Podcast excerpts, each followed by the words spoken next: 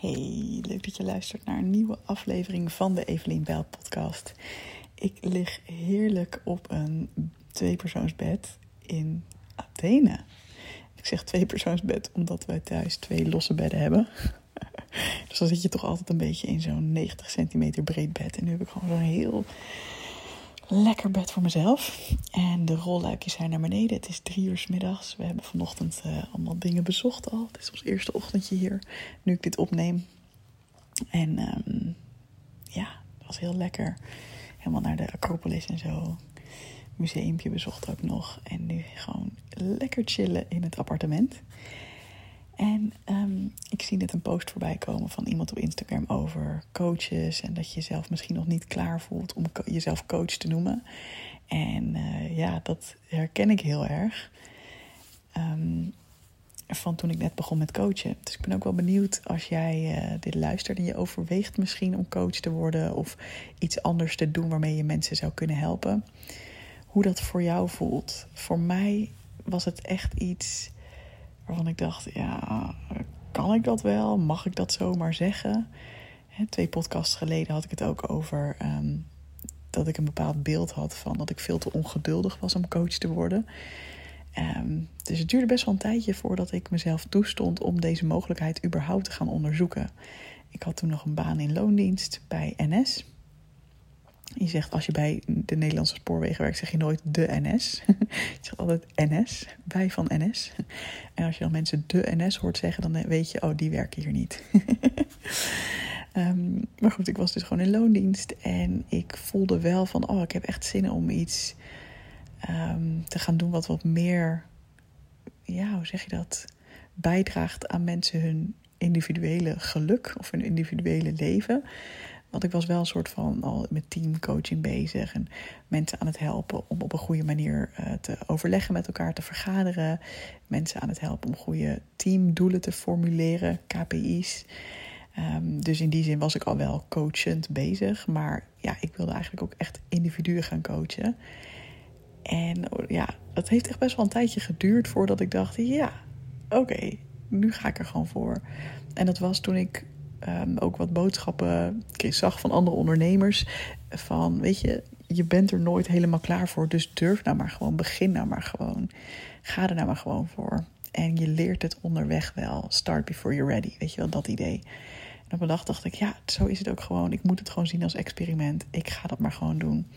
En een van de eerste dingen die ik toen deed, was dat ik naar een um, bol ging. Een netwerkbol van mensen in Leiden ja, eigenlijk vooral vrouwen in Leiden, professionals.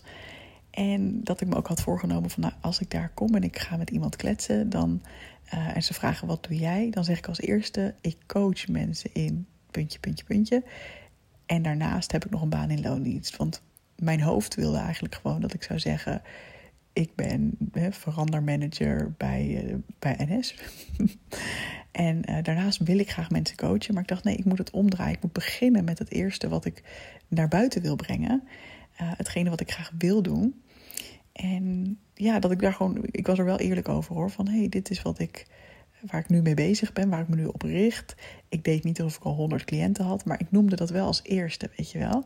Ik vond het alsnog heel spannend. Maar zo heb ik wel uiteindelijk mijn eerste echt leuke cliënt gekregen ook. Daar was iemand aanwezig en die heeft me maanden later um, nog een keer een berichtje gestuurd. Want ik had toen nog uh, visitekaartjes. Dit was echt een beetje in de pre-Instagram uh, uh, Instagram tijd. Facebook was al wel een ding, maar Instagram was er nog niet heel, heel groot. Dus zij had mijn visitekaartje bewaard. En drie maanden later kreeg ik een berichtje van... hey, ik weet nog dat je toen vertelde dat je mensen met dit en dit en dit hielp. Want ik had dan ook een beetje verteld van... nou, ik heb zelf, liep ik in het verleden hier en daar tegenaan. Dus dat ik heel gestrest was. En inmiddels heb ik geleerd hoe ik veel relaxter kan zijn. Dus nou, dat is waar ik nu mensen mee uh, wil helpen. Zo zei ik het volgens mij.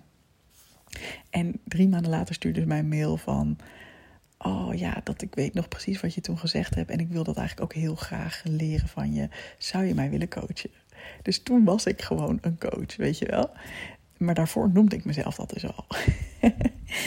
en dat vond ik eerst wel een beetje spannend. Maar uiteindelijk dacht ik, ja, waarom niet? Ik doe er geen mens kwaad mee. En ja, mijn intenties zijn alleen maar om de lessen die ik geleerd heb door te geven. Dat is toch juist heel mooi, weet je wel. Dus dat is hoe het mij lukte om me daar overheen te zetten en het gewoon, ja, op die manier ook te benoemen. En het grappige is dat je elke keer opnieuw ehm, dat soort dingen weer tegenkomt. Want nu ik dus recent de opleiding ben begonnen voor perfectionisme coaches, kreeg ik ook van iemand met wie ik samen aan een bepaalde klus werkte, voor een opdrachtgever, kreeg ik de vraag: Oh, ben jij een opleiding voor coaches begonnen? Mag dat zomaar? Alsof het soort van ja, iets is wat misschien alleen maar voorbehouden is aan grote instanties of instituten. Um, mensen die eerst een stempel moeten hebben gekregen van jij kan dit, jij bent hier geschikt voor.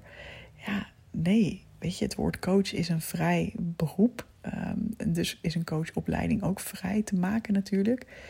En ja, bij het coachen kon ik trouwens me nog wel verschuilen achter. Uh, ik heb een studie psychologie gedaan. Dat voelde dan heel fijn. Dat ik dacht, oh, ik heb in ieder geval iets gedaan. Maar heel eerlijk, als jij geen studie psychologie hebt gedaan, ja, dan is dat echt geen reden om je te laten tegenhouden. Want ik heb daar echt bijzonder weinig geleerd waar ik in mijn coaching iets aan heb gehad. En waar ik in mijn persoonlijke ontwikkeling iets aan heb gehad. Ik heb er vooral heel veel theorie geleerd en heel weinig over ja, hoe je als mens gewoon lekker kan voelen. Dat heb ik echt in de praktijk moeten leren daarna.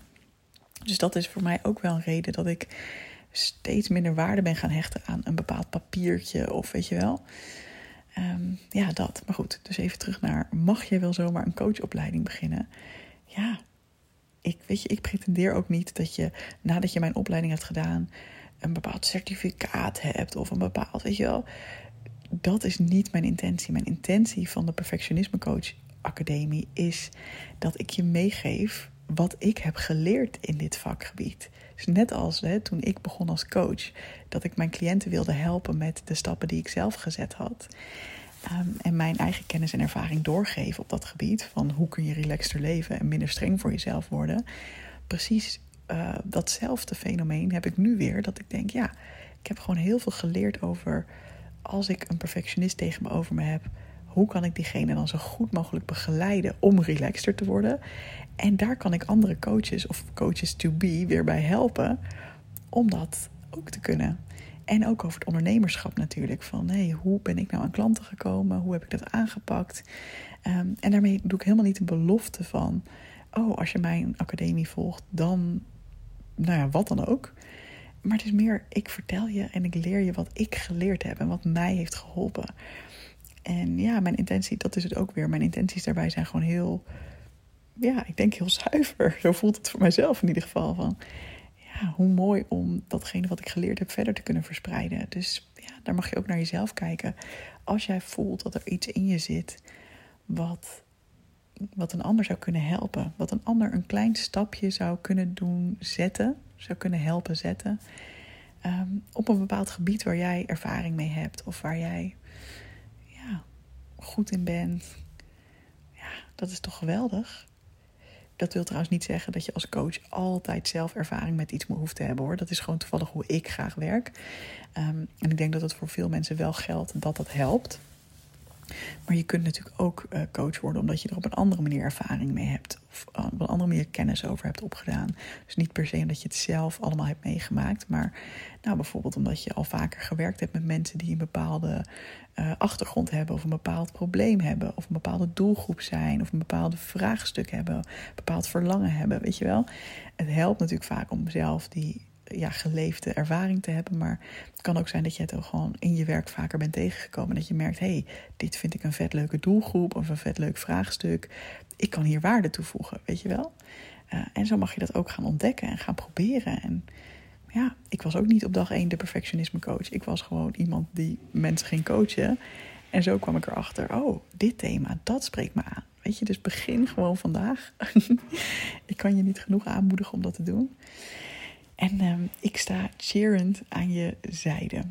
En mocht je het leuk vinden, schrijf je dan zeker in voor de wachtlijst van de Perfectionisme Coach Academie. Want dan uh, kan ik je ook een aantal maanden hierin begeleiden als je dat fijn vindt. Wanneer de deuren weer open gaan. Lijkt mij heel gezellig in ieder geval. Alright, ik ga even lekker in mijn leesboekje verder lezen hier. En uh, lekker genieten van de dagen in Athene. Ik wens je een hele fijne dag en graag tot de volgende podcast.